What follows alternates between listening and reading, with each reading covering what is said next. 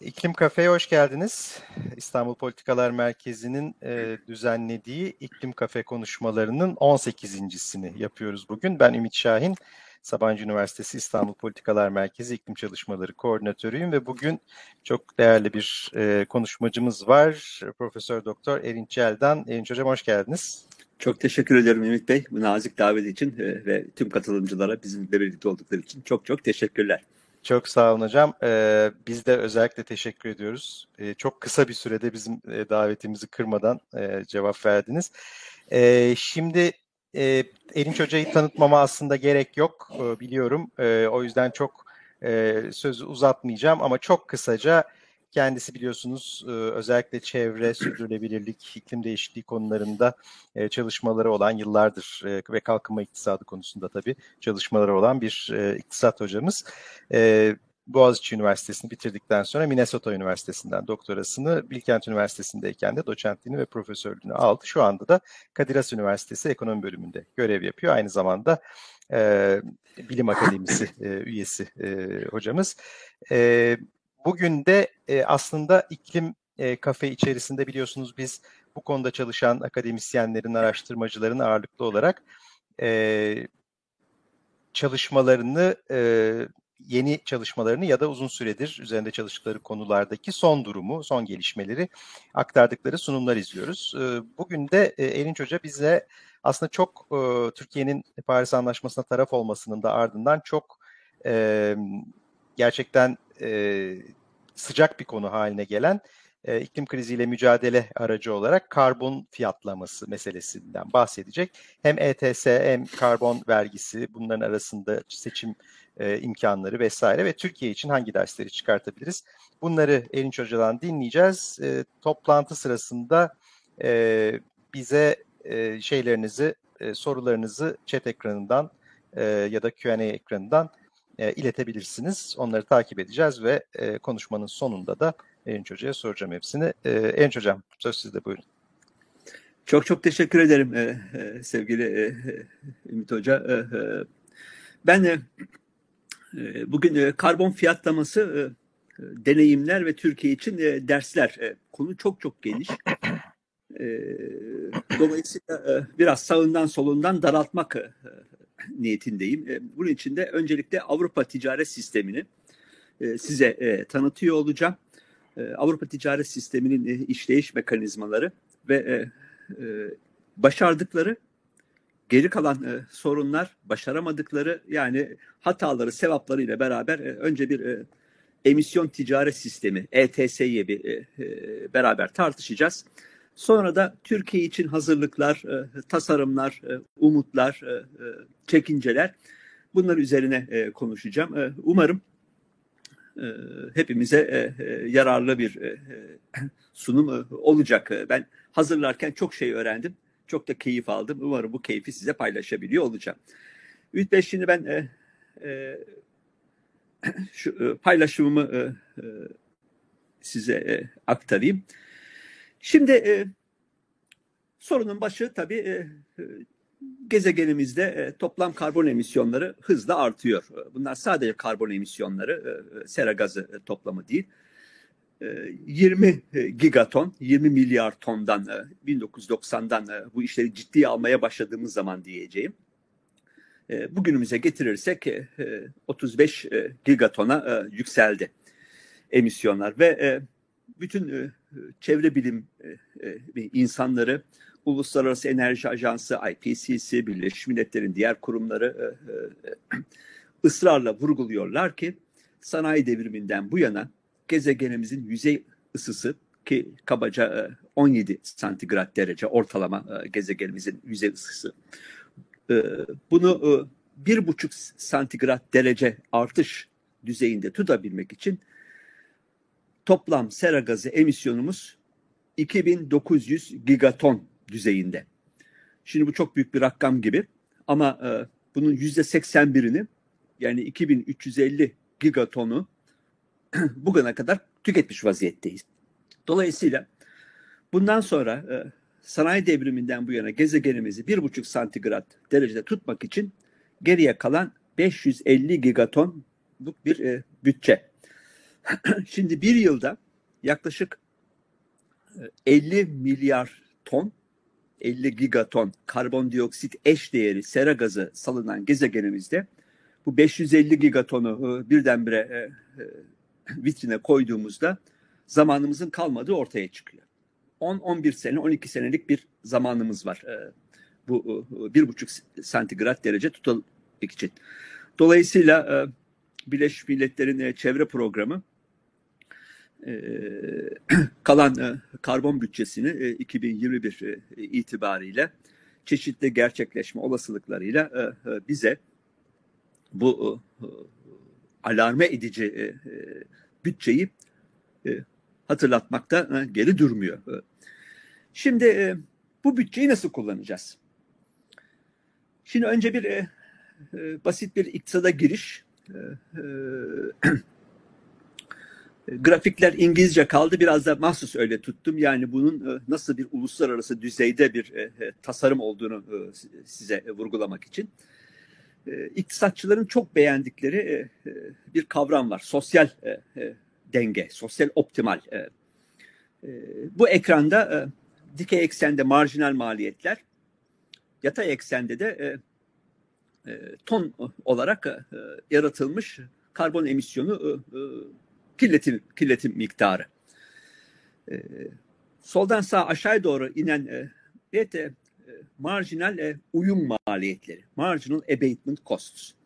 Yani e, e, daha fazla e, emisyon yarattıkça e, birim marjinal e, e, uyum maliyetleri zaman içinde düşüyor diye bahsediyor teori.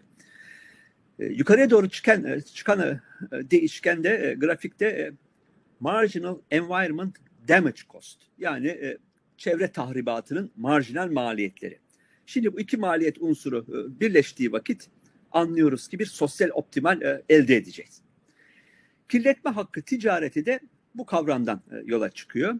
Diyelim ki iki tane farklı e, teknolojilere, farklı emisyon teknolojilerine sahip e, A ve B diye iki tane e, şirket var. Bu şirketler e, piyasada bir araya geliyorlar bunların e, marjinal uyum maliyetleri yani marginal, marginal abatement cost A ve B e, e, farklı düzeyde e, rastgele e, bu kutucuğun yatay yüksekliği de e, karbon bütçemiz. Bu e, bahsettiğim e, yılda 50 milyar tonluk emisyonu aşağıya doğru çekmemiz gereken e, birikimli olarak 550 milyar ton olan karbon bütçemiz.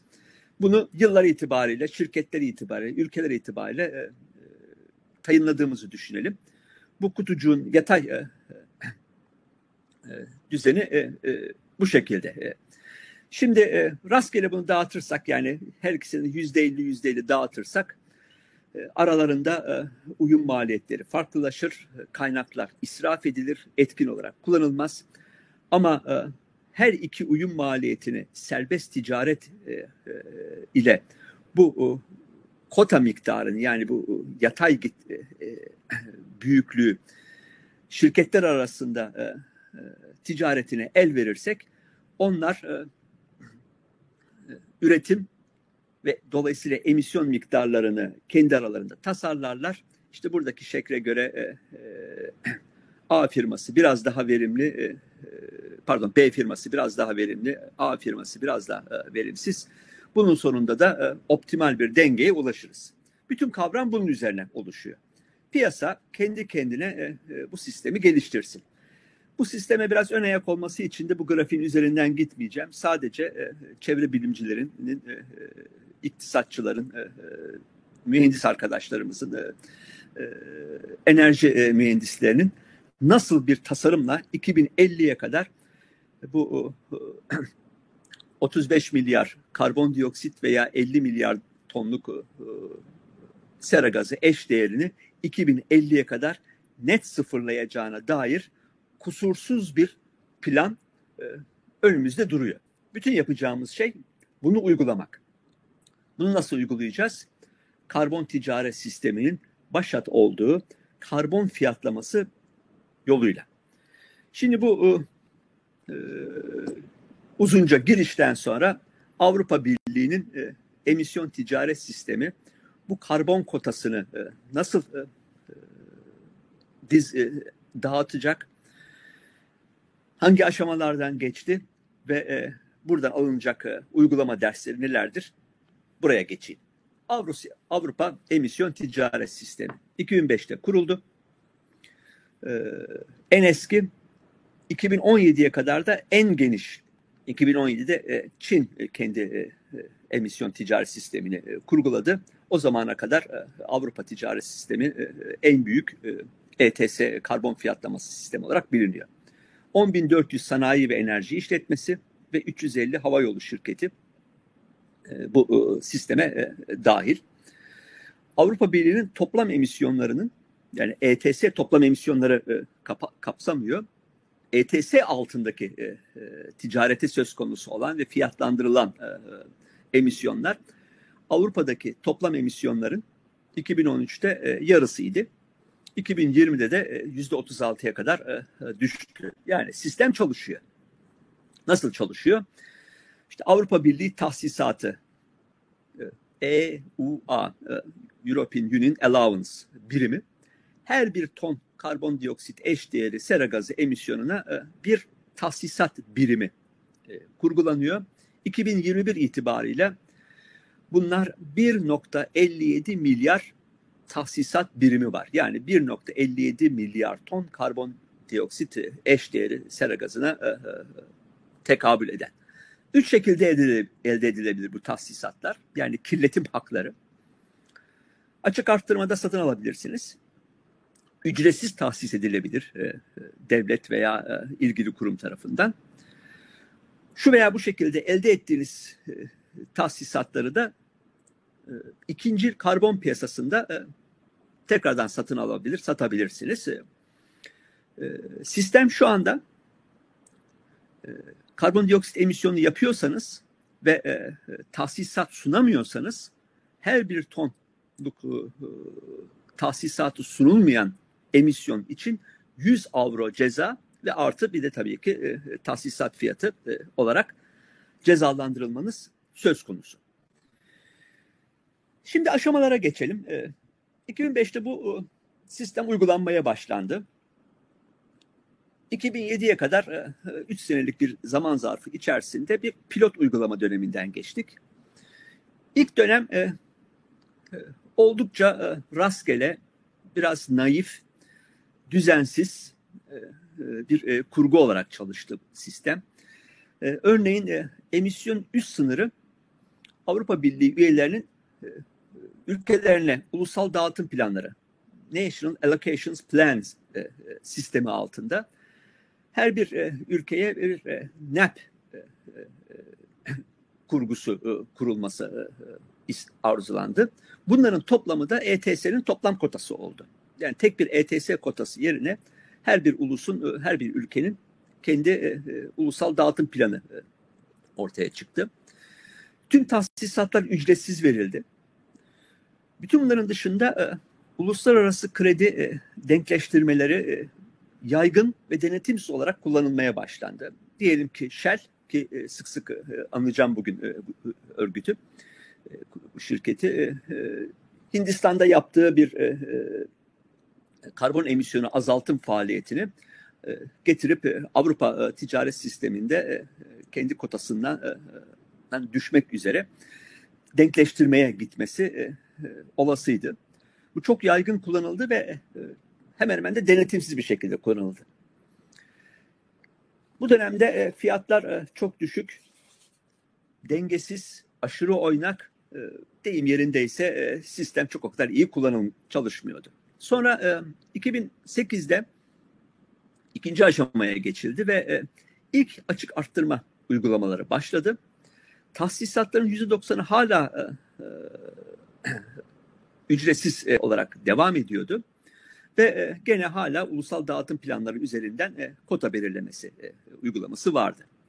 Nihayet işler ciddiye e, üçüncü aşamada alındı 2013'te.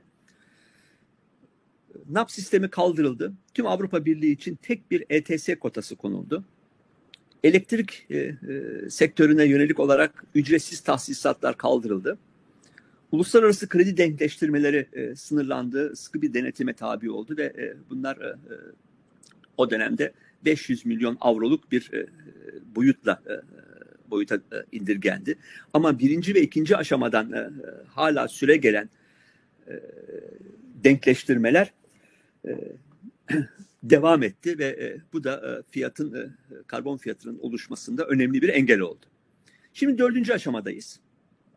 Sistem güçlendirildi, tek norm haline geldi. Fakat sanayide e, emisyonların %90'ı hala ücretsiz e, olarak tahsis edilmekte. E, Market Stability e, Reserve, e, piyasa e, istikrar e, rezerv mekanizması güçlendirildi. İnovasyon ve modernizasyon fonu diye e, e iki fon e, daha güçlü bir şekilde ETS üzerinden elde edilen e, permi gelirlerinin enerjide dönüşüm, karbon kaçağına karşı e, sınırda karbon düzenlemesi mekanizmasının planlamasıyla güçlü bir hale geldi. Tata şimdi doğrusal bir formül bu emisyon üst sınırı nasıl kuracağız? Buradayız. Şimdi arkadaşlar sistem bir doğrusal azaltım fonksiyonuyla çalışıyor. Bu linear reduction e, e factor. E, bu 2013 emisyon düzeyine oran olarak kurgulanmakta. Doğrusal tek bir oran. 2013'ten 2020'ye kadar her sene yüzde 1.74'lük bir e, e, kısıtlama e, daha e, e, azalarak devam etti. E, bu bu dönemde e, 34 milyon ton emisyon e, e,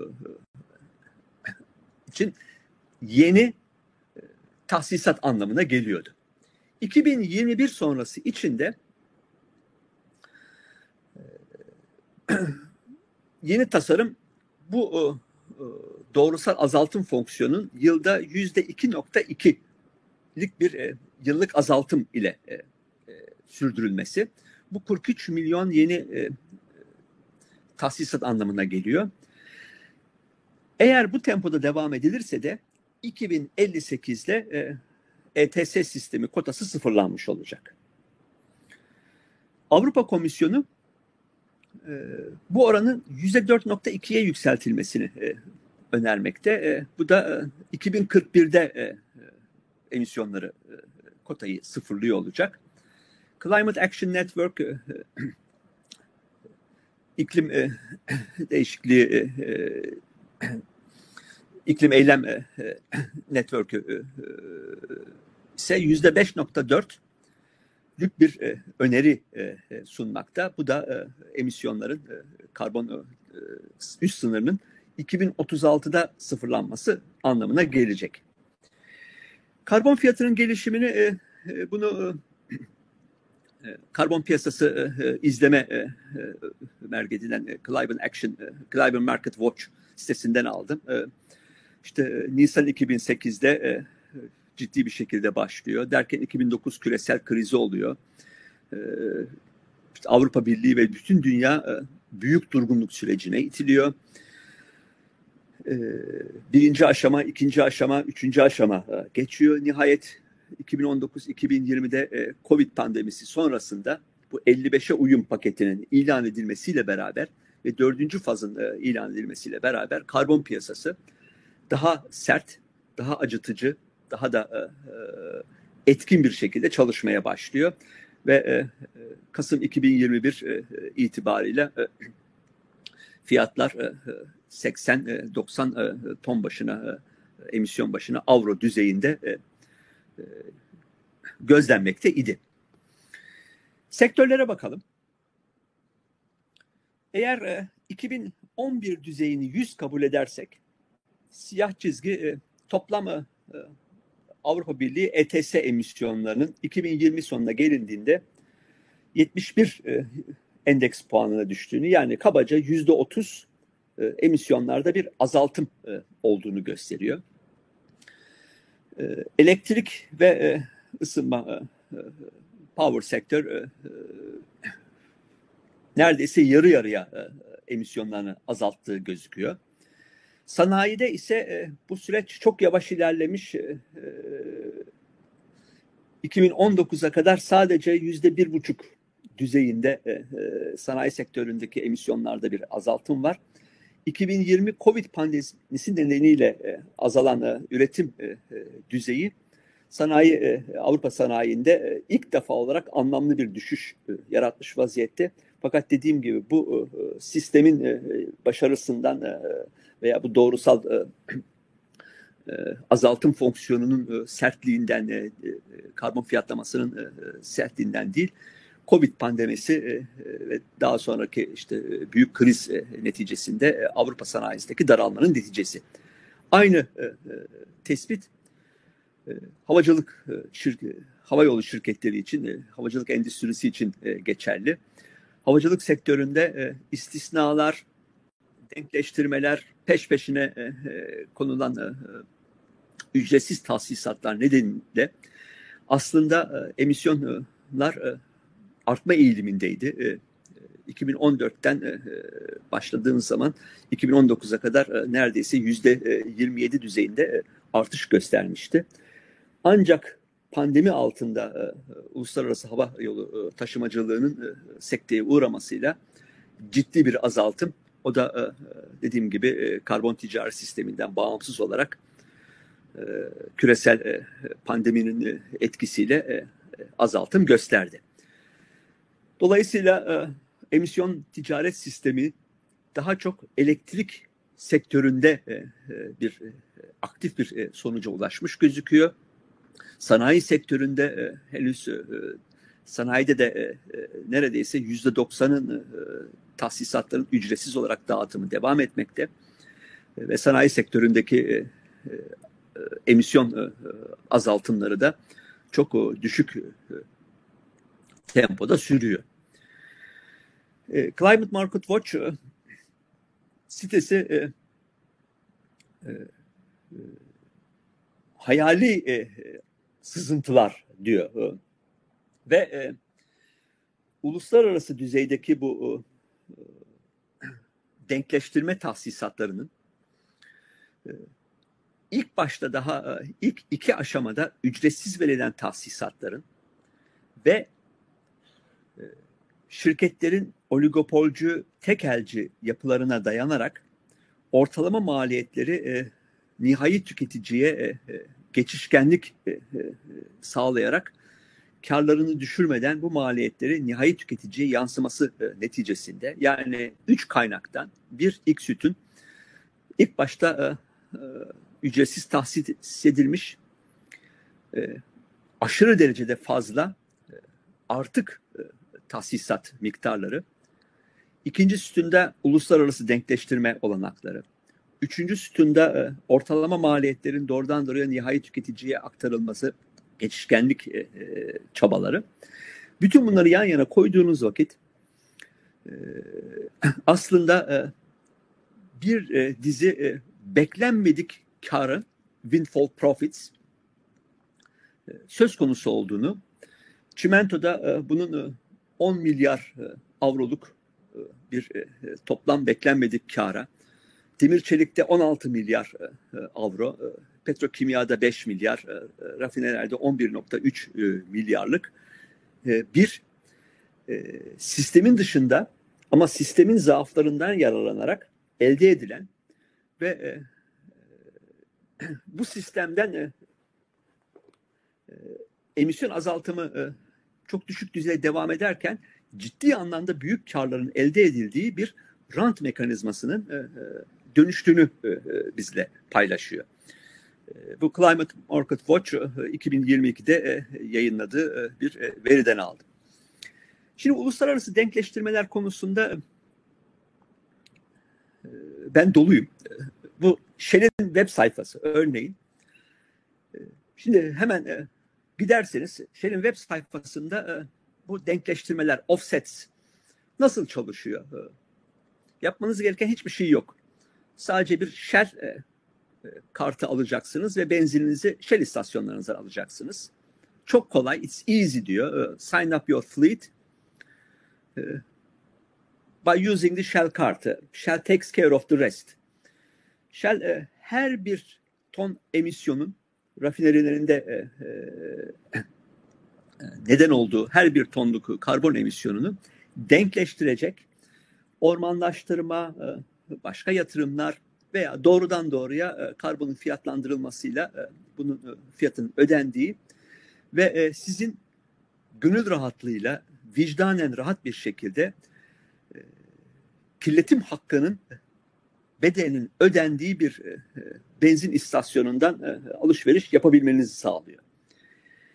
Şimdi denkleştirmeler giderek öyle bir karmaşık hale gelmiş vaziyette ki örneğin Guardian gazetesinde Aralık ayında yayınlanan bir makalede bu net sıfır emisyonu hedefi için söz konusu olan planlanan denkleştirmelerin ve orman arazisi genişletimlerinin Hindistan'ın bütün Hindistan coğrafyasının beş misli büyüklükte bir araziye tekabül ettiğini, bunun dünyadaki şu anda ekilebilir tarım arazisinin büyüklüğünü aşan bir boyutta olduğunu, dolayısıyla bu net sıfır emisyonu hedefi etrafındaki denkleştirme beklenti ve tasarımlarının dünyamızın gezegenimizin alanıyla uyuşmadığını vurguluyor.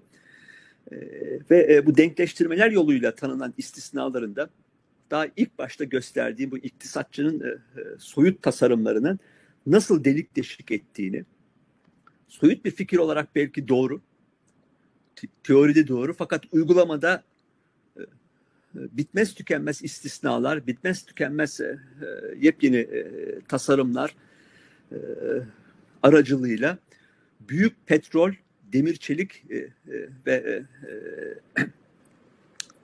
çimento şirketlerinin nasıl bu sistemden Avrupa'da bir hayali tahsisatlar üzerinden karlarını arttırdığını gösteriyor.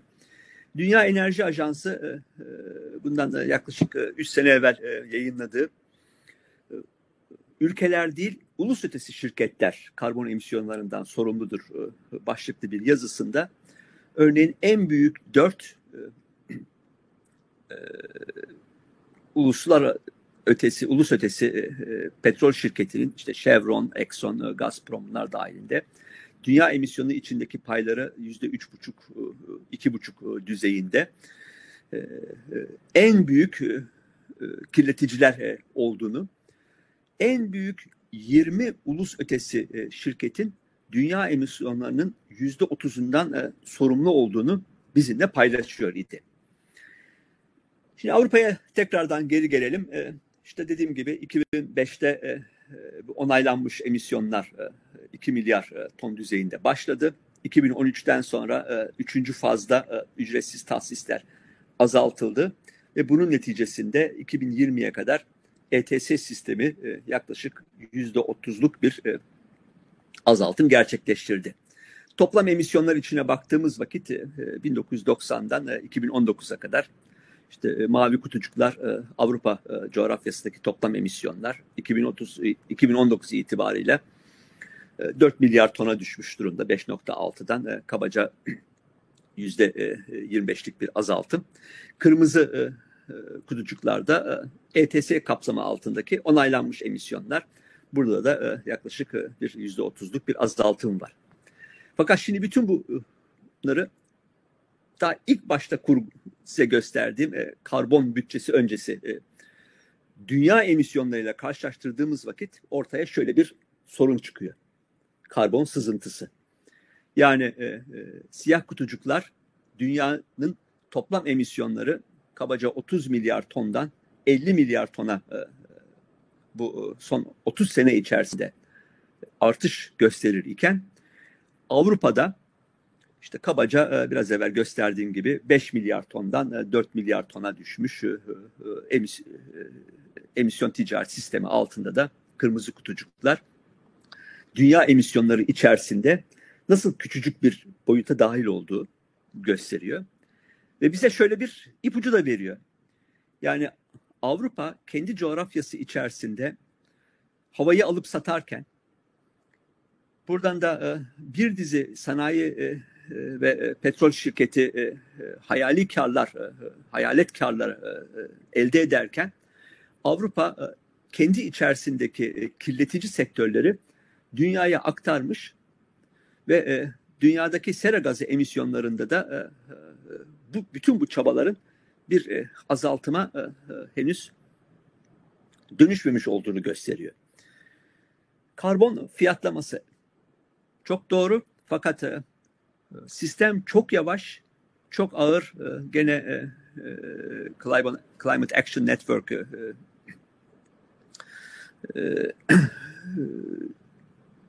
raporlarının e, ifadesiyle bir salyangoz hızıyla veya Türkçemizde kaplumbağa hızıyla e, devam ediyor. Şimdi e, Ümit Hocam kabaca bir 10 dakikan daha var diye anlıyorum. Sizi göremiyorum ama Evet hocam devam edebilirsiniz. Bu son bölümde de Türkiye'yi bir hatırlatalım ve Türkiye için dersler. Bu hepimizin bildiği bir tablo. 2020 envanteri geçtiğimiz hafta Türkiye İstatistik Kurumu tarafından yayınlandı. 523 milyon ton sera gazı emisyonu, karbondioksit eş değeri emisyonumuz var. 1990'a görece yüzde 132 artış göstermiş durumda. Enerji bunun çok önemli bir payı, neredeyse yüzde 70'i ve buradan bir başka gözlemimiz Türkiye'de bir henüz milli gelirin yıllık artış hızları kırmızı e, e, eğri e, bir kalp atışları gibi ile mavi kesikli çizgi karbondioksit eş değerindeki yıllık yüzde değişmeler arasında çok yakın bir bağlantı var. Yani bir ayrışma, bir decoupling, enerji verimliliği henüz gerçekleşmiş değil. En azından bu resim bize bunu gösteriyor. Fakat işte biz doğulu iktisatçılar meraklı insanlarız. Ee, gözle gördüğümüz şeyi bir, bir de e, mutlaka hesap kitap yapalım diye e, diyoruz. Ben bu ikisi arasında e, çok basit bir regresyon operasyonu gerçekleştirdim. Aramızda yüksek lisans öğrencisi veya lisans derslerinde ekonometrik olarak bir çalışma yap, arayışı içinde olan bir dönem projesi falan arayan arkadaşlar varsa işte milli gelirin büyüme hızıyla karbondioksit emisyonu eş değeri arasında bir tasarım yaparsanız işte bu x1 variable one yani işte, x'in arasındaki beta katsayısı 0.49 yani milli gelirdeki artış ve karbondioksit salınımındaki artış yüzde 50 düzeyinde birbiriyle eş gösteriyor. Daha önemlisi T istatistiği e, ekonometrici arkadaşların çok e, hipotez testinde önem verdiği pi değeri sıfır. Yani e, çok yakın bir bağlantı var. ANOVA tablosu e, e, ben uzun süredir ekonometri dersi vermiyorum. Bu rakamlar ne anlama geliyor? E, şu anda hatırlayamıyorum ama e, meraklısı için e, bunları sizinle paylaşmak istedim. Türkiye'nin derdi nedir? Türkiye'de e, fert baş, Türkiye'de toplam emisyonlar toplam e, dünyamızdaki emisyonların ancak yüzde biri, 1.1'i düzeyinde. Bu yüzden e, Türkiye'nin e, önemli bir aktör olmadığı sallanıyor. Fakat Türkiye'nin önemli kurgusu Türkiye'de fert başına yüksek nüfusumuza rağmen kalabalık bir ülke sayılmamıza rağmen fert başına karbondioksit emisyonları çok hızlı artıyor ve Avrupa Birliği e, ortalamasının e, biraz altında ama Avrupa Birliği'nde bu e, rakam düşüyor. Dünya ortalamasında da son 10 yılda çok hafif de olsa bir düşme en azından bir istikrar eğilimi var. Türkiye'de ise 2005 sonrasında fert başına emisyonlarda çok hızlı bir artış var. Bu artış temposu devam ederse Türkiye'nin karbon iklim diplomasisi alanında yalnızlaşması e, ve e, e, itibarsızlaşması kaçınılmaz olacak. Şimdi müsaadenizle bu zamana kadar benim içinde olduğum veya en azından fikir sahibi olduğum bir dizi çalışmanın size sonuçlarını kısaca aktaracağım. Bir dizi çalışma var burada. Hiçbirinin üzerinden teker teker gitmeyeceğim. Ama sağdaki üç sütunda her çalışmada işte e, e, o çalışmanın e, takvimi çoğunlukla 2030-2040 dakika kadar süre geliyor. İlk çalışmalarımız bu artık neredeyse Hititler döneminden kalma tecrübesizlik altında Devlet Planlama Teşkilatı'nın DPT olduğu günler, o güzel günlerden kalma. Ben de Ankara'dayken Ebru arkadaşımla beraber 2010 yılında tamamladığımız ilk model 2006 ile 2050'yi tasarlamışız. Politika tasarımları yapmışız ve orada yüzde 40 çok çeşitli senaryolar var. Ben, ben buradan bir tanesini aldım. Buradan sizle bir fikir paylaşmak ve bir sonraki slayda geçmek istiyorum. Asas derdim o.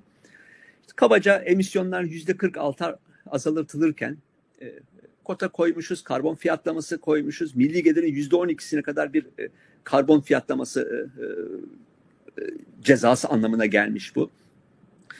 Bunları kamu yatırımlarına aktarmışız, enerji dönüşümü için kullanılmışız. Fakat milli gelirde yüzde 6.8'lik 2050 itibariyle bir baz yılına görece. Yani milli gelir artmaya devam etmiş ama baz yılına göre daha az artmış. Sonra e, Bauzer, Şahin ve e, Yelda'nın çalışmasını yaptık. E, bunda e, e, enerji verimliliğini ve ek yeşil istihdam ücret fonu olanaklarını devreye soktuk. Burada milli gelirde bir yüzde 2.3'lük artış yani bir decoupling, emisyonda bir artış, şey pardon, istihdamda bir artış ve emisyonda bir azaltım söz konusu oldu. Kalın puntoyla Acar ve Yeldan çalışması e, benim çok önem verdiğim, e, e, çok önemsediğim sonuçlarını da mümkün olduğunu yaygınlaştırmaya çalıştığım bir mesajı veriyor. Bu Sevil Hoca ile aramızda just do it senaryosu olarak kalgılıyor. Verimlilik, enerjide dönüşüm, istihdam hiçbiri yok. Sadece ve sadece kömür sektörüne tanınan mevcut teşviklerin kaldırılması. Oradan elde edilen mali kaynak Maliye Bakanlığı nerede isterse onu orada kullansın. Ee, isterse e, e, Çanakkale Boğazı'na ikinci bir köprü yapsın. Ee, isterse e, komşu bir ülkeye savaş açsın. İsterse göçmenlere bedava teşvik verilsin. Ne isterse onu yapsın. Sadece kömür teşviklerinin kaldırılması milli gelirimizde çok çok çok düzey yüzde 0.1 binde bir e, yani bir kayıp. Ama emisyonlarda bas patikaya göre yüzde beş buçukluk bir azaltım. Yani sadece kömür teşviklerinin kaldırılmasının emisyon azaltımında çok ciddi bir e, e, kazanç sağlayacağını vurgulamıştık biz bu genel denge çalışmamızda. Daha sonra bir dizi çalışma var. Gene en sonunda İstanbul Politika Merkezi'nde e, e, Ümit Şahin Hoca'nın da aldığı Türkiye için hemen hemen ilk net sıfır emisyon hedefi analizi gerçekleştirdik. Bu çoğunlukla enerji dönüşüm tasarımına bağlıydı. Emisyonlar yüzde 82 düzeyinde azaltılıyor. E, net sıfırlanıyor. E, şu anda üzerinde çalıştığım e, son bir çalışmada Berna Doğan, Hasan Tekgüç, Kadir Has Üniversitesi'ndeki arkadaşlarım International Republican Institute için vatandaşlık temergeleri destek politikasını karbon vergisi ile birleştirmek, sermaye vergisi artışlarıyla desteklemek sonucunda milli gelirde binde beşlik bir artış, istihdamda yüzde birliklik bir artış, emisyonlarda yüzde on üçlük bir azaltım. Ama bunun e, esas kurgusu vatandaşlık temel geliri e, e, e, politikasını, e, bir gelir transferi e, politikasını e, finanse etmek için karbon vergilerinden yararlanmayı e, düşünüyor. Dolayısıyla çok bağımsız, çok değişik çalışmalar var. Ee, e, ben bu e, slaytları arkadaşlarımla paylaşacağım. Ee, e, buradan literatürden siz devamını getirebilirsiniz. Türkiye için Preparation for Market Readiness diye daha henüz yayınlanmayan fakat sunumlarına katılma fırsatı bulduğum PMR çalışması daha yeni tamamlandı. 20 tane sektör 2030 sonuna kadar e, e, gerçek anlamda bir karbon fiyatlaması e, resmi olarak sürdürülüyor. Fakat burada beni çok rahatsız eden açıklayamadığım sonuçlar var. Örneğin bu yüzde 21 bu efsane yani e, 2015'te resmi olarak sunulan INDC Türkiye iklim değişikliği mücadelesine yapılmış en büyük tahribat olarak ben bunu dile getiriyorum. Bizim iklim değişikliğiyle mücadelemizi en az 6 sene geriye atan bu INDC tasarımı bu yüzde 21 saplantı haline geldi. Hiçbir zamanda nasıl, niye karar, bu rakam ortaya çıktı bilemiyoruz. PMR da bu yüzde 21 alıyor.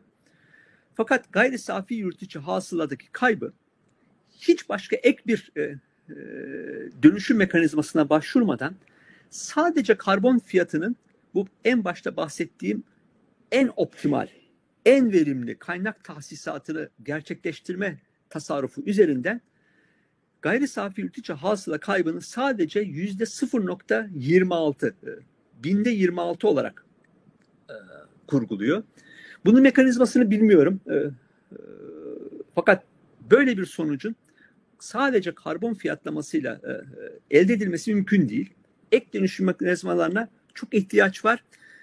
Bu yüzde 21 karbon emisyonu azaltımının başka hiçbir ek e, dönüşüm e, yaratmadan binde ikilik bir e, gayri safi yurt içi hasıla kaybıyla e, tasarımını bizim bu tablodaki e, e, emisyon ve milli gelir e, arasındaki bağlantılar politika tasarımlarının çeşitliliğiyle karşılaştırırsanız ben e, e, çok ciddi modelleme kaygıları ve sorularıyla baş başa kaldığımı buradan bildirmek istiyorum. Sonuç olarak hocam UNCTAD'ın 2018-2019 Trade Development Reportlarından esinlendiğim bir Gezegenimizin doğal kaynaklarının mevcut kullanım düzeyi ve tüketim deseni artık sürdürülmesi mümkün değil. Karşı karşıya kaldığımız çarpık sanayileşme yönetişim sorunlarının birçoğunun ana nedeni kuralsızlaştırılmış piyasaların mevcut kısa dönemci miyopik kararlarına ve spekülatif finansal sermaye akımlarının aşırı oynaklarına e, e, dayanmakta oluşu. Ve bu sorunlar bir yandan küresel meta fiyatlarında aşırı oynaklık ve belirsizlik doğururken kaynakların dağıtımını da verimsiz kılmakta. Sorunun özü şu. Yenilebilir enerji kaynaklarına dayalı bir büyüme sağlanabilir mi? Şimdi veriler piyasa fiyatlarında yenilebilir enerjinin fosil yakıt kaynaklı enerji üretimine göre çok daha ucuz ve çok daha fazla istihdam sağlayacağını gösteriyor. Güneş, rüzgar başta olmak üzere e, fotovoltaik e, e, kaynaklar, e, yenilenebilir enerji kaynakları e, başta olmak üzere daha ucuz ve daha fazla istihdam sağlayacağı e, e, yönünde. Fakat yenilebilir enerji üretebilmek için gene yoğun bir materyal girdi kullanımına e, ihtiyaç var. Ve küresel kapitalizmin kar ve tüketim yönlü büyüme mantığı içerisinde fiyat ve üretkenlik üzerinden tasarlanan bir enerji politikası iklim krizine karşı mücadelede yetersiz kalma tehlikeleri içeriyor. Bloomberg Green sitesinden aldığım e, e, bir e, hatırlatmayla Dünya Enerji Ajansı'nın verilerine dayalı. Net sıfır evet fakat 2050'ye gelince gelindiğinde hala brüt emisyonların devam ettiğini, özellikle sanayi proseslerinde e, kabaca 1.2 milyar tonluk bir bakiyenin en olumlu, e, en iyimser tasarımlar altında dahi süre geleceğini e, e bize e, gösteriyor. Dolayısıyla sanayide ciddi bir dönüşüm tasarlanmadığı sürece karbondioksit emisyonlarında kalıcı bir azaltımın net sıfır emisyonun en iyimser tahminleri altında bile gerçekleşmesi zor gözüküyor. Bütün bunlardan sonra size geri dönüş yapayım. Evet. Bütün bunlardan sonra Türkiye için Üç tane önemli e, ben e, ders düşünüyor, görüyorum e, karbonun fiyatlandırılması için.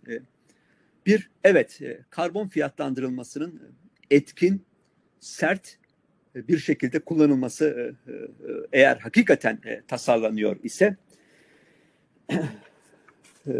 birincisi her şeyden önce kömürden çıkışın mutlaka kurgulanması gerekiyor. Yani bir yandan e, kömür sektörüne verilen, e, fosil yakıtlara verilen e, istisnalar devam etsin. Öbür taraftan net sıfır emisyonunu biz fiyatlama yoluyla kurgulayalım. Bu denklem tutmuyor. Ümit Hoca ile beraber beraber olduğumuz birçok çalışmada ve ortak çalışmamızda da kurgulandığı üzere en geç 2035 tercihen 2030 aralığında e, kömürden e, çıkışması aksi takdirde astronomik yüksek bir karbon fiyatlamasıyla e, sanayi ve hizmetler sektörünün karşı karşıya kalması söz konusu olacak. Karbonun gerçek anlamda ve istisnasız fiyatlandırılması gerekiyor. Offsetler, denkleştirmeler ve e, ulusal veya uluslararası e, krediler yoluyla sistemin e, sulandırılmasının önüne geçmek gerekiyor. Bir geçiş dönemi kuşkusuz olacaktır.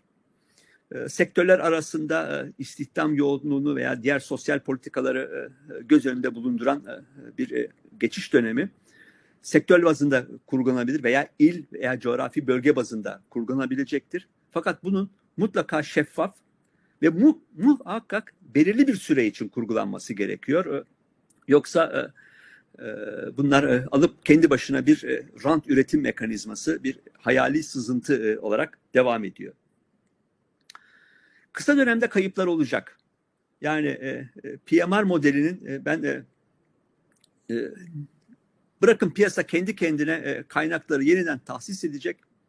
Biz sadece kotayı koyalım.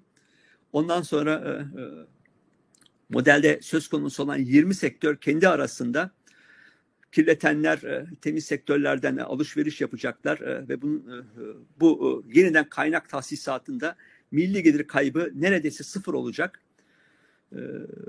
Ben bunu gerçekçi bulmuyorum.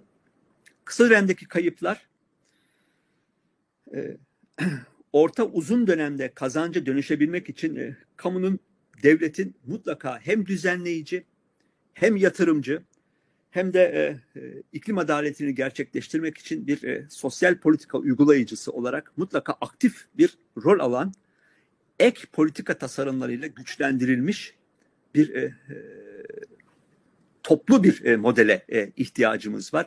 Karbon fiyat sistemi tek başına e, bunu e, yaratacağını zannetmiyorum. E, e bu konuda değilim. En sonunda da siyasi irade kuşkusuz. İklim değişikliğiyle mücadele e, bir finansal spekülasyon, bir e, yeniden rant yaratımı, e, e, bir hayali e, e, kazançlar mekanizması e, olmasına müsaade edilmeyecek bir e, tasarıma e, ihtiyacımız var. E, yapılabilir ama e, kısa dönemde e, her şey birdenbire çekmeceden elde edeceğimiz bir e, reçete e, hemen akşamdan sabaha herkes kazançlı e, dünyamız pırıl pırıl olma yolunda ilerliyor. Böyle bir hayali kapitalizm modeli yok. Hocam söz sizin. Evet hocam çok teşekkürler. Gerçekten e, çok kapsamlı ve çok doyurucu bir e, sunum oldu. Benim ben bir sayfa soru yazmış durumdayım ama e, e, sormaya çalışacağım en azından bir kısmını. E, ama lütfen e, izleyicilerimiz, katılımcılarımız e, akıllarına gelen bütün soruları e, chat bölümüne ya da Q&A bölümüne iki sekme var e, sağ tarafta görüyorsunuzdur. Oraya yazıp e, bize iletebilirsiniz. Şimdiden iki soru gelmiş durumda. Ben kendi sorularıma geçmeden önce Emre Kösemen'in sorusunu e, hemen ileteceğim. Çok temel bir soru sormuş daha ilk slaytlarla ilgili. Hemen onu okuyayım e, isterseniz. E, soru şöyle, doğrusal azaltım fonksiyonunun nasıl çalıştığını anlayamadım. Azaltılan yeni tahsisatların yani perminin düzenleme ve piyasaya sürülme miktarı mı? Yani tahsisatların düzenleme ve piyasaya sürülme miktarı mı ve azaltılıyor e, diye sormuş. Yani yeni tahsisatların piyasaya sürülme oranı azalıyor mu demiş. Ee, evet yani e, e, yeni tahsisatların e, piyasaya sürülme oranı 2013 emisyon düzeyine oran olarak yılda e, işte 2020'ye kadar yüzde 1.74 düzeyinde azaltıldı. 2020'den sonra dördüncü e, fazla beraber bu oran yüzde 2.2'ye çıkartıldı. Yani e, aşağıya doğru iniyor olacak. Bu 2013 düzeyini 100 kabul edersek emisyon ticaretini altındaki şirketlerde işte 2058 yılına geldiği vakit bu %2.2'lik yıllık azaltım sıfırlanmış olacak ve bu azaltımda yeni tahsisat miktarlarıyla kurgulanıyor. Fakat işin püf noktası bu yeni tahsisatlar ideal olarak açık arttırmayla yani gerçek fiyatından e, piyasaya sürülmesi lazım. E, sanayide hala Avrupa sanayisi için hala yüzde doksanı ücretsiz olarak e, tahsis ediliyor. E, elektrikte ücretsiz tahsisat kaldırılmış vaziyette. Ama şey e, sanayi diğer sanayi sektörlerinde ücretsiz tahsisat devam ediyor öyle mi? Evet yüzde doksanına kadar. E, e, yüzde doksanına kadar. E, peki e, Teşekkürler. Hasan Tahsin Övündür'ün e, sorusu ülkemizde yapılması planlanan e, ülkemizde yapılması planlanan ETS'nin ETS sistemin diğer ETS'lerle bağlanması nasıl olacak? İleride global tek bir ETS e, diye bir şey olabilir mi? E, bir de 1 Ocak 2023'te devreye girecek olan sınırda karbon düzenlemesi kurulacak olan ETS'yi nasıl etkiler? E, kurulacak olan Türkiye'de kurulacak olan ETS'yi diye anlıyorum. Herhalde. Evet. E, şimdi Hasan Bey bir defa bu küresel anlamda tek bir ETS en doğrusu. Bu OECD'nin e, e, bütün e, sermaye vergilerinin toplulaştırılıp yüzde on beşte tek bir düzey haline getirilmesi önerisiyle de tutarlı. Ee, gerçekten e, işte farklı farklı coğrafyalarda farklı farklı ETS sistemleri bazı coğrafyalarda hiç ETS sisteminin olmaması e, e, kuşkusuz karbon sızıntısının ana nedenlerinden bir tanesi.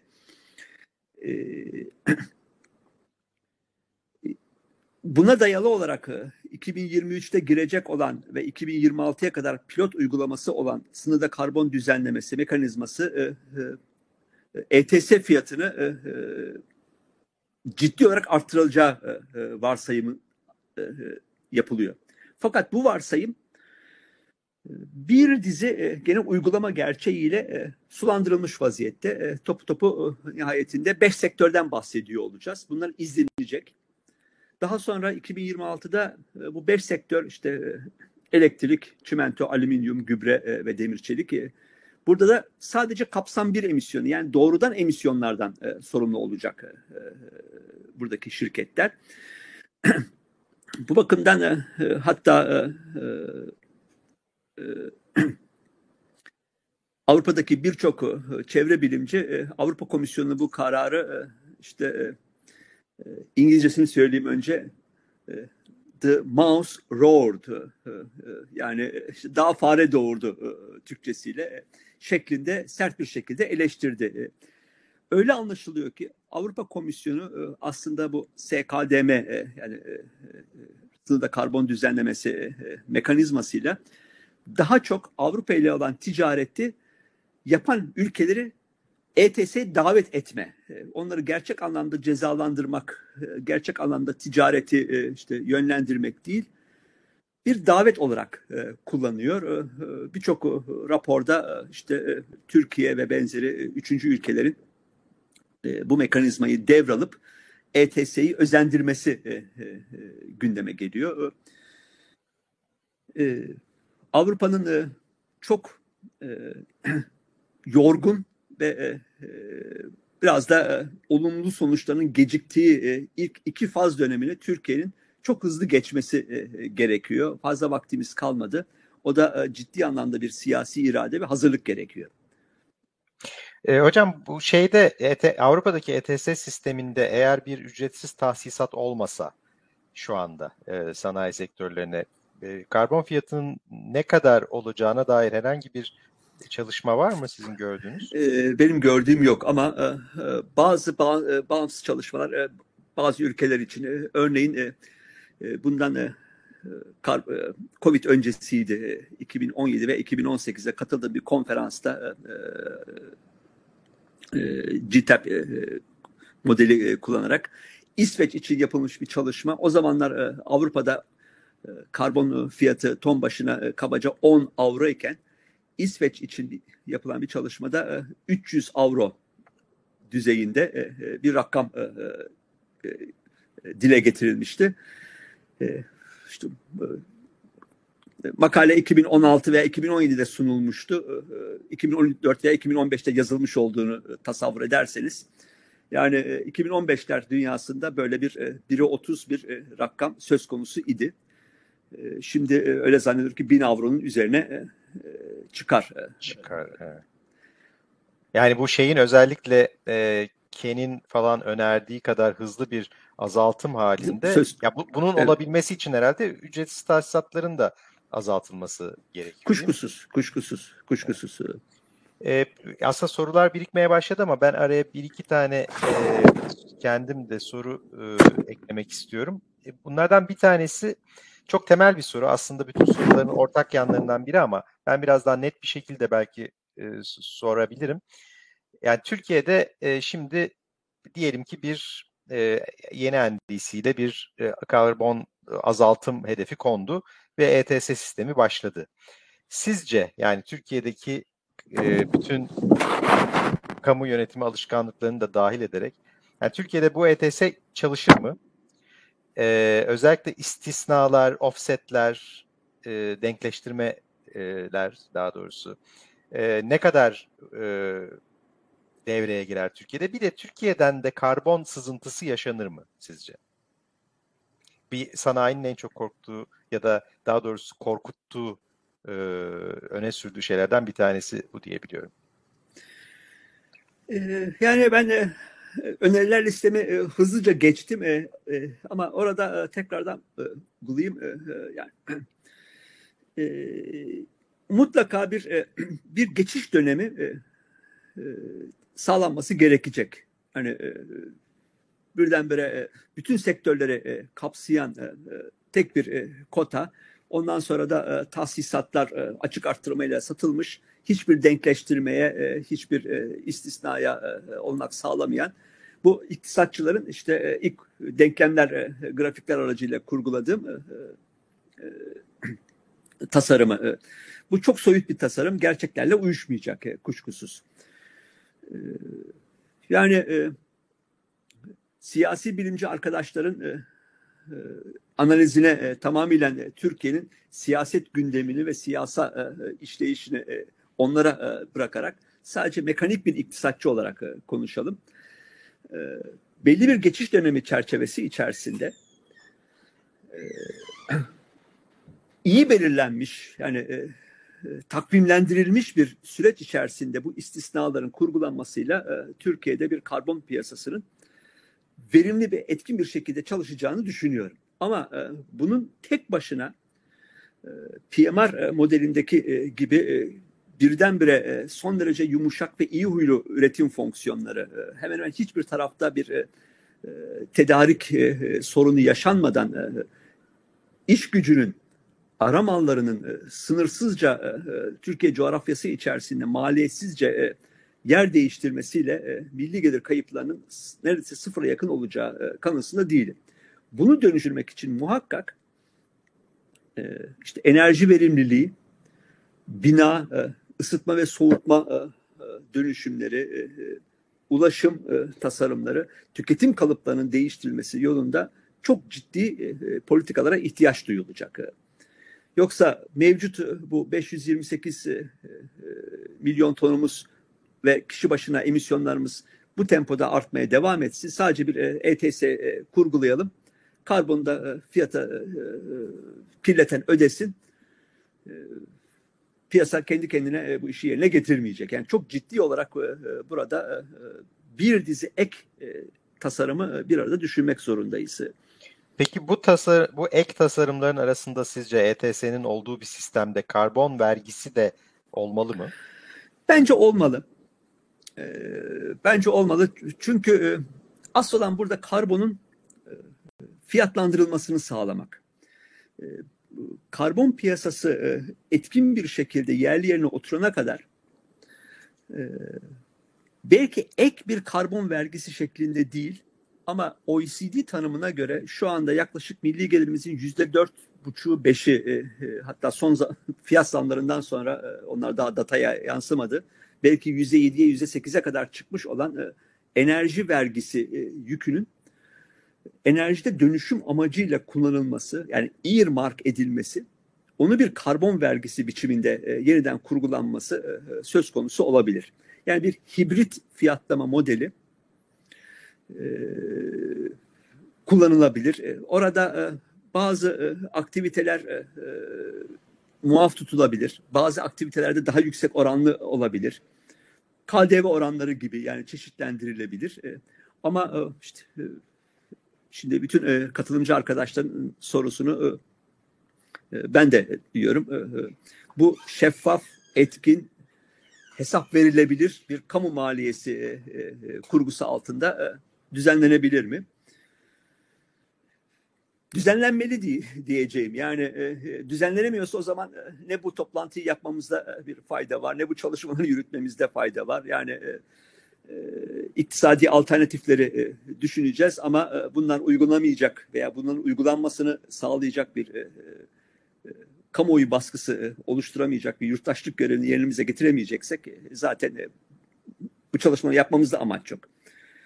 Ama bunlar e, kendi buna katılıyorum. E, bu burada şeyde de e, bu özellikle karbon vergisine yönelik eleştirilerde de e, karbon vergisinin e, maliyetinin tamamen işte tüketiciye yansıtılacağı gibi bir eleştiri e, yapılır malum. E, ama sizin verdiğiniz e, şeylerde e, çalışmalara göre e, emisyon ticaretinin de maliyeti tüketiciye yansıtılıyor zaten değil mi? A, a, bu anlamda aslında bir avantaj ya da bir üstünlük getirmiyor ETS sistemine sanki.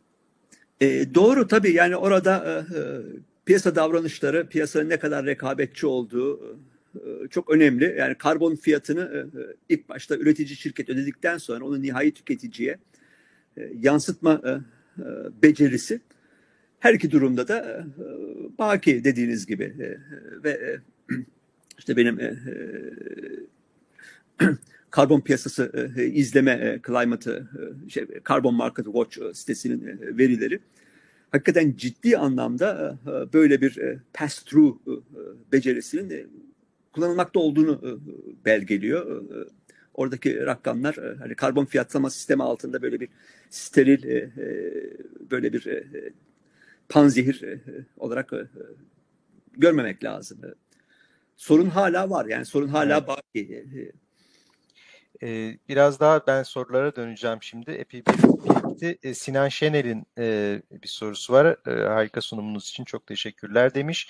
E, bölgesel olarak Türkiye'de ETS'nin hayali kazançlar ve rant ortamı olmasını engellemek için devletin aktif şekilde rol alması gerektiğini söylediniz. Ne tip politikalar olabilir? Örnek verebilir misiniz?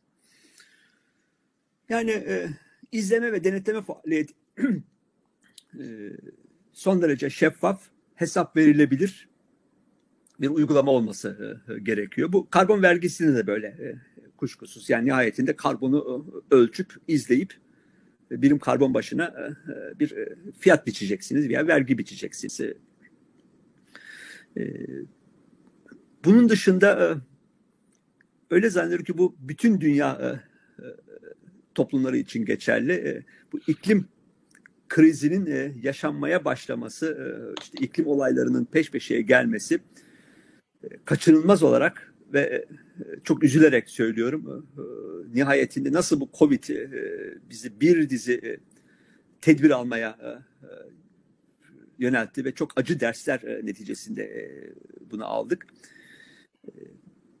E, karbonun dizginlenmesi, fosil yakıtların dizginlenmesi, e, fiyatlanması, e, fiyatlamanın ötesine geçecek e, tasarımların yapılması öyle zannediyorum ki giderek artan bir şiddette kendisini gösterecek. Yani burada bunu en az maliyetli ve hakikaten hiç olmazsa orta uzun dönemde bir kazanıma dönüştürecek bir şekilde kurgulamanın yolları var. Bunları bir an önce artık e, uygulamaya geçmemiz gerekiyor. E, bir kurumsal düzenleme, e, hesap verilebilirlik bunun olmazsa olmazı. Türkiye için belki şu anda hayali kavramlar mı kullanıyorum bilemiyorum. Hukukun üstünlüğü gibi, hesap verilebilirlik gibi ama bunlar yani bunlar olmazsa olmazı. Bütün her türlü siyasi tasarımın olmazsa olmazı kuşkusuz. Ee, Özgül Erdemli Mutlu'nun bir sorusu var. Aslında bu sorunun dev- devamı e, denilebilecek bir soru. E, şöyle demiş, sonuç kısmında devletin rolü için üç başlık önerdiniz. Ülkemiz özelinde hükümetin ve ilgili bakanlıkların yönlendirmesi uygulayıcı olmadığı durumda e, özellikle kilit kirletici sektörler nereye bakıyor? E, sınırda karbon düzenlenmesi veya AYM'nin diğer iki mekanizması için TÜSİAD gibi çıkar gruplarına mı diye sormuş. Yani e, üreticiler kuşkusuz her biri birer çıkar grubu ve e, hepsi de e, çok makul bir şekilde bu sistemde maliyetlerini nasıl azaltırız, karlarını nasıl çok çoklaştırırız e, biçiminde bakıyorlar e, bu sistemin e, gereği. E, bu düzenlemenin devlet eliyle olmasını e, bu yüzden ben e, önemsiyorum. Yani piyasanın kendi kendine e, bu işi kurgulayabileceği kanısında değilim. Daha sonra kurgulandığı vakitte buradan bir yepyeni bir finansal spekülasyon, yepyeni istisnalar, yepyeni hayali mekanizmalar kullanılacaktır düşüncesindeyim bakanlıkların şu anda işlevlerini yitirmiş olması e, evet e, ciddi bir anlamda bir sorunumuz. E, dediğim gibi yepyeni bir sistem, yepyeni bir denetim sistemi bunun olmazsa olmazı durumunda.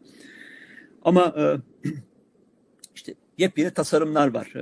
Bunlar arasında benim en çok değer verdiğim bir devlet planlama teşkilatı benzeri bir kurgunun şu anda Cumhurbaşkanlığı Strateji ve Bütçe Ofisi e, e, bu görevi üstlenmiş vaziyetinde.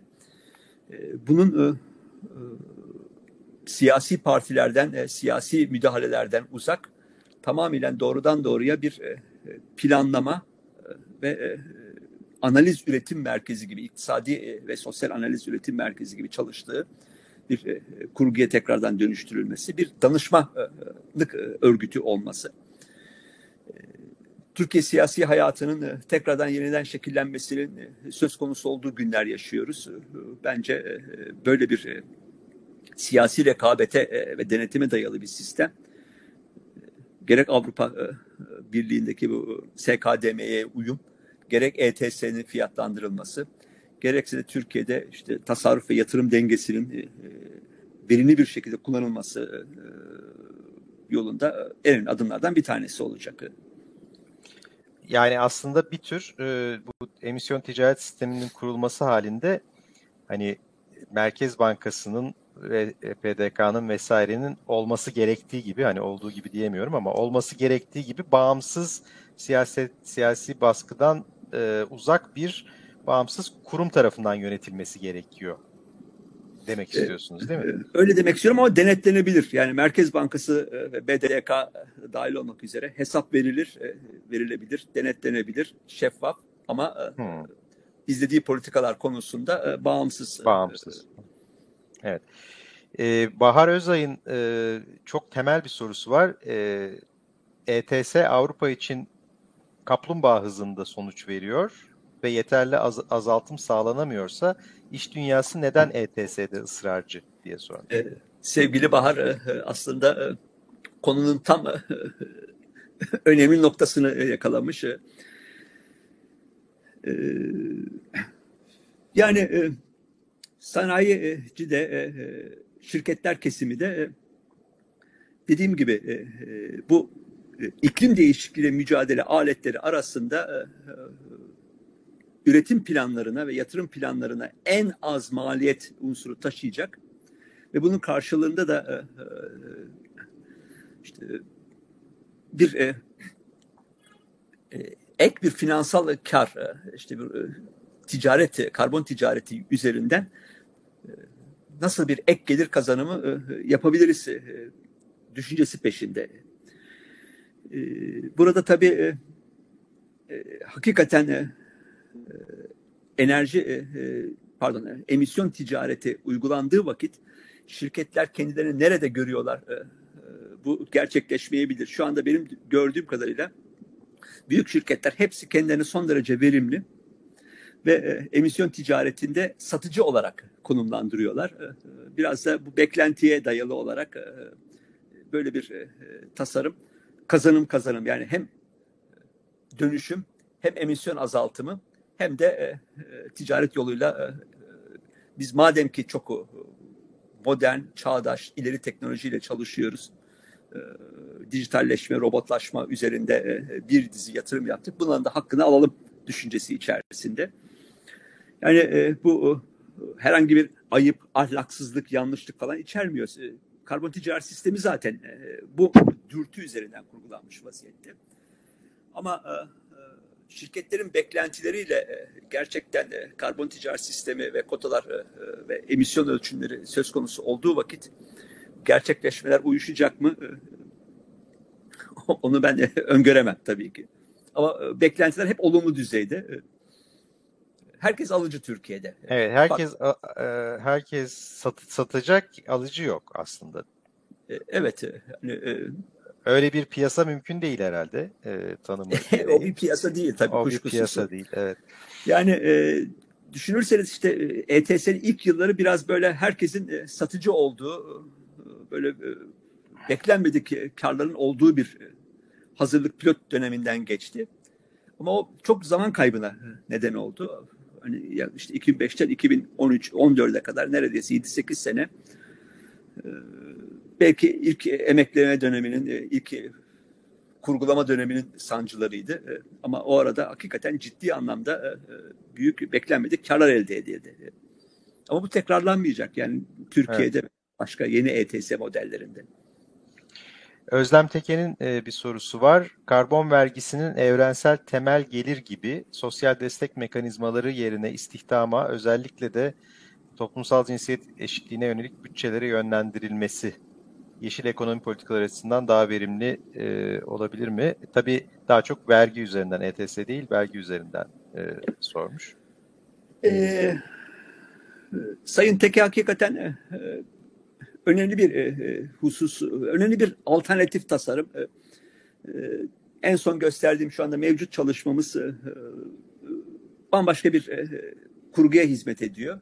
Türkiye'de e, gelir eşitsizliğine ve e, yoksullukla mücadeleye bir e, fon arıyoruz. E, ve giderek karbon vergisi e, veya karbon fiyatlandırması, karbon vergisi diye e, e, devam edeyim, e, gelirlerinin yeşil istihdamı arttırması, e, karbon vergisinin arttırılırken istihdam vergilerinin düşürülmesi, e, hani bir ikinci en iyi e, politika gibi kullanılması, e, enerjide dönüşün e, yenilebilir enerjiye e, yapılan yatırımların e, desteklenmesi, yanında bir de bizde vatandaşlık temel geliri altında yoksullukla mücadele için bir ek fon oluşturulabilir mi sorusunu çalıştık. Bir fikir vermesi açısından söylüyorum. Örneğin mevcut asgari ücret ve mevcut değerler anlamını yitirdi. Bu Fakat bu çalışma yaptığımız e, e, dönem e, 2020 2019 öncesi yani Covid ve e, onun öncesindeki tırnak içerisinde makul bir kamu maliyesi dengesinin olduğu döneme ait. Dolayısıyla şimdi e, asgari ücretin yarısı kadar bir vatandaşlık temel geliri e, e yaklaşık 10 milyon aileye verilmesi gibi bir cümle kullanacağım. Mevcut %60 enflasyon koşullarında bunun çok anlamlı olmadığını farkındayım. Ama lütfen 2019 Türkiye'sini düşünün. Her şeye rağmen bir makul bir kamu maliyesi ve fiyatlar e, düzeyi var. Yani e, milli gelirimizin kabaca yüzde üç buçuğuna tekabül eden bir vatandaşlık temel geliri yılda e, maliye tarafından e, aktarılması gerekiyor idi. Biz bunu bir karbon vergisiyle ve e, sermaye e, e, vergilerinin arttırılması yoluyla finanse etmeyi düşündük. Buradan e, karbon emisyonlarında da e, bir e, azaltım Karbon vergisi nedeniyle de milli gelir kayıpları var. Fakat o milli gelir kayıplarını vatandaşlık temel gelirinin sağladığı ek alım gücü, Keynesgil anlamda bir ek tüketim harcaması gücüyle çarpan mekanizmasıyla dengelenebileceğini gördük. Bu arada da işte kömürden çıkış, fosil yakıtların verilen teşviklerin azaltılması gibi ek dönüşümlerle de bu süreç zamana yayılabilir. 2053'e kadar uzatılabilir diye düşündük. Yani burada karbon fiyatlaması, karbon vergisi tek başına uygulandığı vakit çevre duyarlı sektörler, çimento, demir çelik, elektrik üretimi, petrol, kimya e, e, ve hatta gıda, e, tarımsal e, metan gazı emisyonları üzerinden e, bunların e, bir şekilde dönüştürülmesinin hızlandırılması, maliyetlerinin düşürülmesi yönünde ek e, tasarıma ihtiyaç var. Bu kaçınılmaz. Ve o tasarımlar devreye girene kadar da e, gayri safi milli hasıladaki ilk kayıplar kaçınılmaz göz, gözüküyor. E, bunu e, hepimizin farkında olması lazım. Peki e, sorular e, izleyicilerimizden gelen sorular bitti. Ben son çok kısa bir e, belki son iki olabilir ama e, bir soru çok kısa. E, ETS yani bütün bu de, yan mekanizmalar olmaksızın e, ETS gelir eşitsizliğini arttırır mı? Ee, tabii ki gelir eşitsizliğiyle birlikte e, emisyon eşitsizliğini de düşünmek lazım. İkisi bir arada gidiyor tabii kuşkusuz. Ee, yani bunu öngörmek güç. Nihayetinde e, aslında e, mevcut fiyat sistemine bir müdahalede bulunuyorsunuz ve bir ek maliyet kurguluyorsunuz. Bu ek maliyet hani gelir eşitsizliğini sadece milli gelirden aldığımız pay olarak ölçersek evet gelir eşitsizliğini arttırıcı nitelikte olacaktır. Çünkü bunun bir istihdam yükü olacak. Bunun e, coğrafi anlamda e, üretim ve istihdam kayıplarına yol açması kaçınılmaz olacak. Ama uzun dönemde yenilebilir enerjinin eğer devreye girmesi e, hızlandırılabilir ise yenilebilir enerji kaynaklarının istihdam katsayılarının çok daha yüksek olduğunu e, e, görüyoruz, anlıyoruz ve e, buradaki kazançlar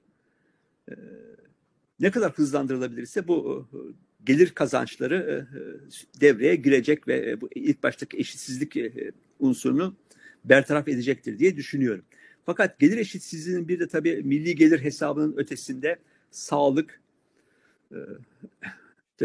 daha temiz bir suya erişim gibi e, fiyatlandırılmayan e, veya daha doğrusu çok dolaylı olarak fiyatlandırılan unsurları var. E, sağlığın fiyatı milli gelir hesabı içinde değil. Daha temiz bir çevre, daha temiz bir su, daha iyi bir atık idaresinin bence insanların gelirler anlamında olmasa bile hayat kalitesindeki eşitsizliği giderici adımlar içereceğini düşünüyorum.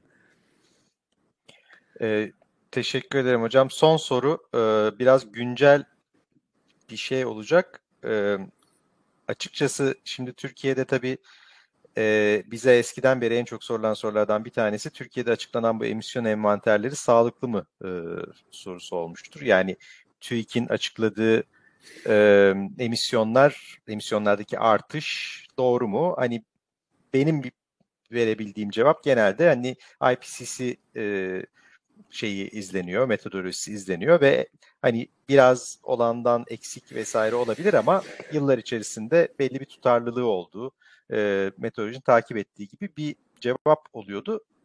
Ama şimdi bir ETS durumunda acaba e, burada e, bir sorun ortaya çıkabilir mi? Mesela bu çok spekülatif bir soru soruyorum ama şundan dolayı soruyorum.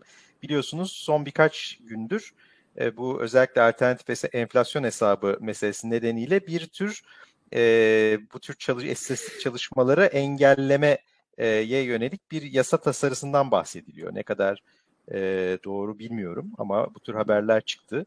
Yani bu tür ekonomiyle, çevreyle vesaireyle ilgili istatistiklerin biraz daha neredeyse e, gizli hale geleceği gibi bir e, sonuç çıkabilir mi bundan? Dolayısıyla e, verilerin e, sağlıklı olmadığı bir durumda, alternatiflerin de geliştirilmediği bir durumda e, nasıl işler böyle bir e, sistem, ETS sistemi? Yani Cevap, kadar... Cevabı çok açık bir soru olmuş olabilir ama ben sizin yorumunuzu merak ediyorum. Estağfurullah. Ama yani o kadar e, can yakıcı, can alıcı bir e, nokta ki e, yani sağlıklı veri üretemediğimiz noktada iklim değişikliğiyle mücadele edemeyiz, enflasyonla da mücadele edemeyiz, işsizlikle de mücadele edemeyiz. Yani bu soruyu hakikaten sadece emisyon e, e, istatistikleri e, e, sağlıklı değil ama fiyat istatistikleri sağlıklı olarak cevaplayamayız. E, ne yazık ki bu e, hakikaten e, çok çok ciddi bir yurttaşlık ve demokrasi e, e, hukuk sorunu. iktisadi bir sorun ol, olmaktan çıkmış vaziyette. E, sağlıklı verinin üretilemediği yerde e, eşitsizlikle de mücadele edemeyiz. Kalkınma yolunda e, tasarımlar yapamayız enflasyonla mücadele edemeyiz. İklim değişikliğiyle de mücadele edemeyiz. Takipçisi olacağız. Başka e, diyebileceğimiz bir şey yok. Yani e, e, böyle bir cezai yaptırımlar e, söz konusuysa e, e, cezai yaptırımları göz alarak e, araştırmalarımızı e, yapmaya devam edeceğiz. Yani bu bu kadar e, net. Yoksa dediğim gibi e, yani hiç, hiç bu işlerle uğraşmayalım. Hepimiz işte dağılalım. E, Türkiye zaten e, pusulasını kaybetmiş bir gemi gibi verisiz, hesapsız, kitapsız sürükleniyor gözlemini kabul etmemiz anlamına geliyor. Yani bu sürece müdahale ettiğimiz için daha sağlıklı veri, daha sağlıklı analiz, yapılan çalışmaların hakikaten denetlenebilir olması, çalışılabilir olması ben herhalde gelmiştir de bu sunumu sizinle tabii ki paylaşıyor olacağım e, oradaki literatürden, oradaki verilerden e, e katılımcıların e, denetimine de tabi e, hepimiz. E, e, eksik bilgilerimiz, eksik kullandığımız veriler varsa bunu akademinin her alanında izlememiz lazım. Çok teşekkürler hocam. Ee, zaten e, planladığımız sürenin sonuna çok yaklaştık. Ee, başka soru da yok. E, gerçekten hani çok kritik bir konuda e, ya karbon fiyatı konusunda tam da Türkiye yeni bir e, ulusal katkı beyanı hazırlamaya hazırlanırken e, ve bu sistemi de çalıştırmaya aslında bir an önce çalıştırmaya hazırlanırken çok hem yol gösterici hem ilan verici e, bir sunum oldu. E, elinize sağlık. Çok teşekkürler e, katıldığınız için. Ben teşekkür ediyorum. E, bütün katılımcılara, sizlere e, bu olanak için ayrı ayrı teşekkür ediyorum. Ben aynı zamanda bütün e, izleyicilere, katılımcılara da çok teşekkür ediyorum. E, bir aksilik olmazsa bir ay sonra e, bir sonraki iklim kafede e, görüşmek üzere. E, hoşçakalın.